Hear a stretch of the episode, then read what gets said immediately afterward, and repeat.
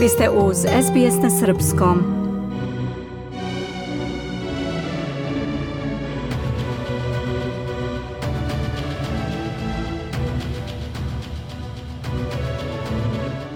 Na današnji dan 1389. na polju Kosovo odigrala se presudna bitka između srpske i turske vojske koja je otvorila vrata Turcima za dalji prodor u Evropu. Oskudni istorijski podaci ne otkrivaju tok bitke, čak niko je pobedio. Pretpostavlja se da je turski sultan Murad I koji je na Kosovo stigao sa sinovima Bajazitom, potonji sultan Bajazit I i Jakupom i predvodio 40.000 vojnika, a da je srpski knez Lazar Hrebeljanović sakupio 25.000 boraca. Kralj Tvrtko I, Kotromanić, koji je knezu Lazaru pritekao u pomoć odredom pod komandom velikog vojvode Vlatka Vukovića, pisao je Trogiranima 1. avgusta 1389. o pobjedi nad Turcima.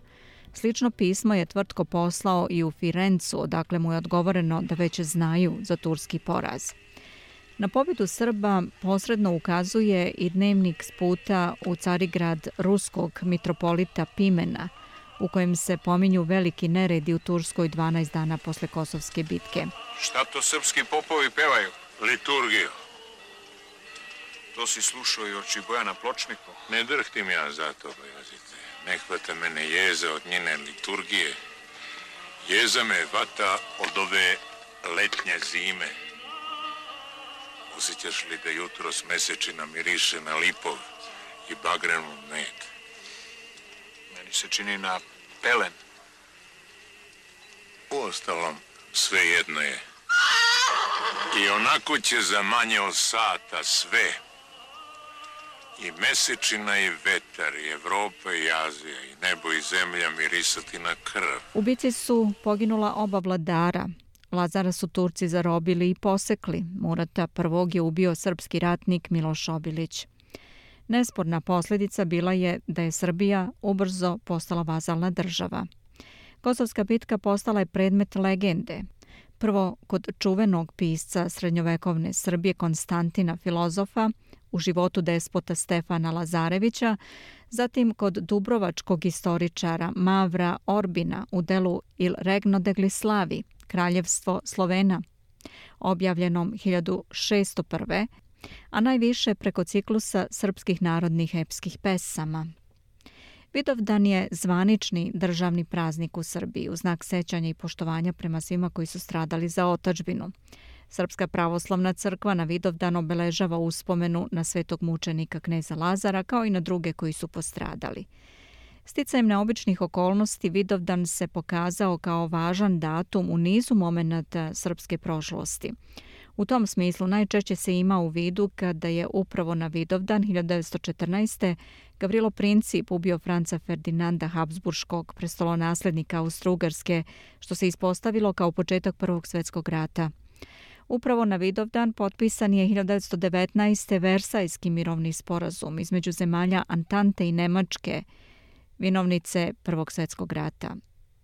Plod srpske pobede u tom ratu bilo je obrazovanje Kraljevine Srba, Hrvata i Slovenaca, čime su ostvareni srpski ratni ciljevi. Na Vidovdan 1921. Ustavotvorna skupština Kraljevine Srba, Hrvata i Slovenaca izglasala je prvi ustav zajedničke države koji će biti zapamćen kao Vidovdanski. Država je proglašena ustavnom, parlamentarnom monarhijom s dinastijom Karađorđević na čelu. Ustav je važio do 1929. kada ga je kralj Aleksandar Karađorđević suspendovao pošto je zaveo ličnu vladu kako bi stabilizovao prilike u zemlji. 1881. potpisana je tajna konvencija između Srbije i Austro-Ugarske, plod razočarenja kneza Milana Obrenovića ponašanjem Rusije, počev još od nametanja Sant Stefanskog sporazuma marta 1878. kada je Rusija pokušala na štetu Srba da stvori Veliku Bugarsku.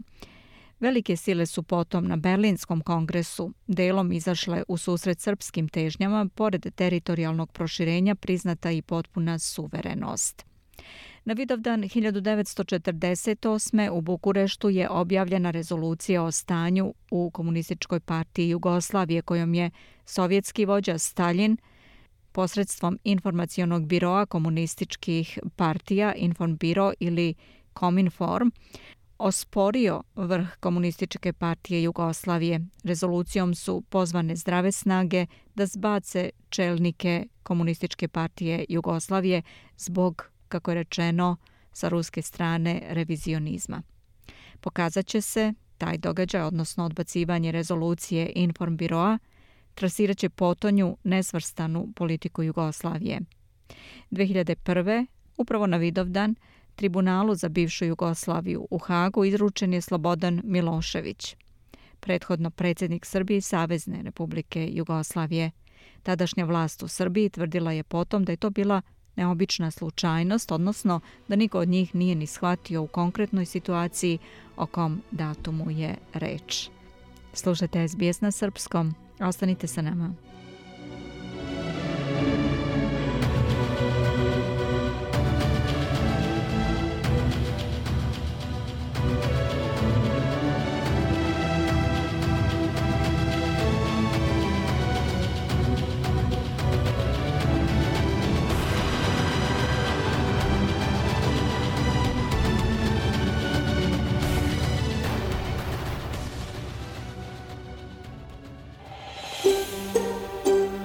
Želite da čujete još priča poput ove?